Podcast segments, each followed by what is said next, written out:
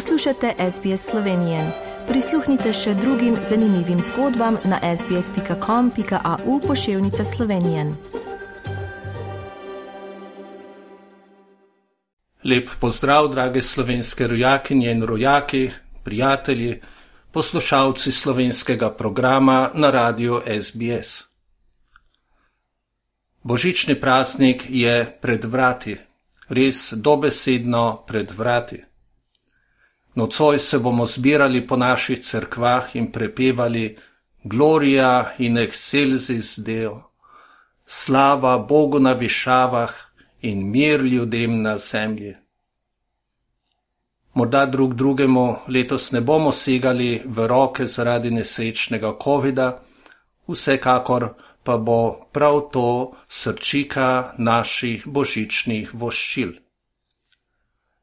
Tako za božič, za novo leto, ter ob drugih praznikih in priložnostih, običajno ne skoparimo z lepimi in dobrimi željami.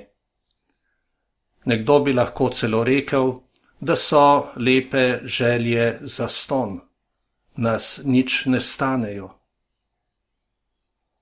pa se, ko izrekamo letošnja praznična in novoletna voščila, tudi vprašajmo, kaj pa bomo mi naredili, da bodo ta naša voščila postala resničnost. Kaj bomo naredili, da bodo voščila angelov v božični noči postala resničnost.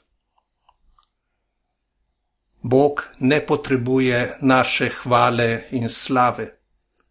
Mi smo tisti, ki moramo Boga postaviti na tisto mesto našega življenja, da ga bomo hvalili in slavili. In najbolj ga bomo slavili s tem, če ga bomo postavili na prvo mesto.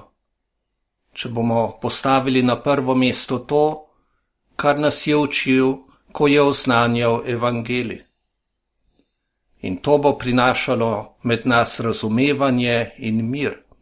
To bo prinašalo mir v naša srca, v naše družine, v naše skupnosti in med ljudstva po svetu.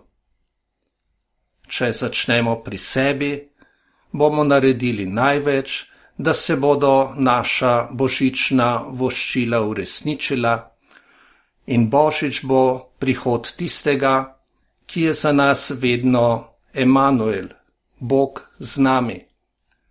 Ne samo obiskovalec, ampak tisti, ki prihaja med nas, da z nami ostaja.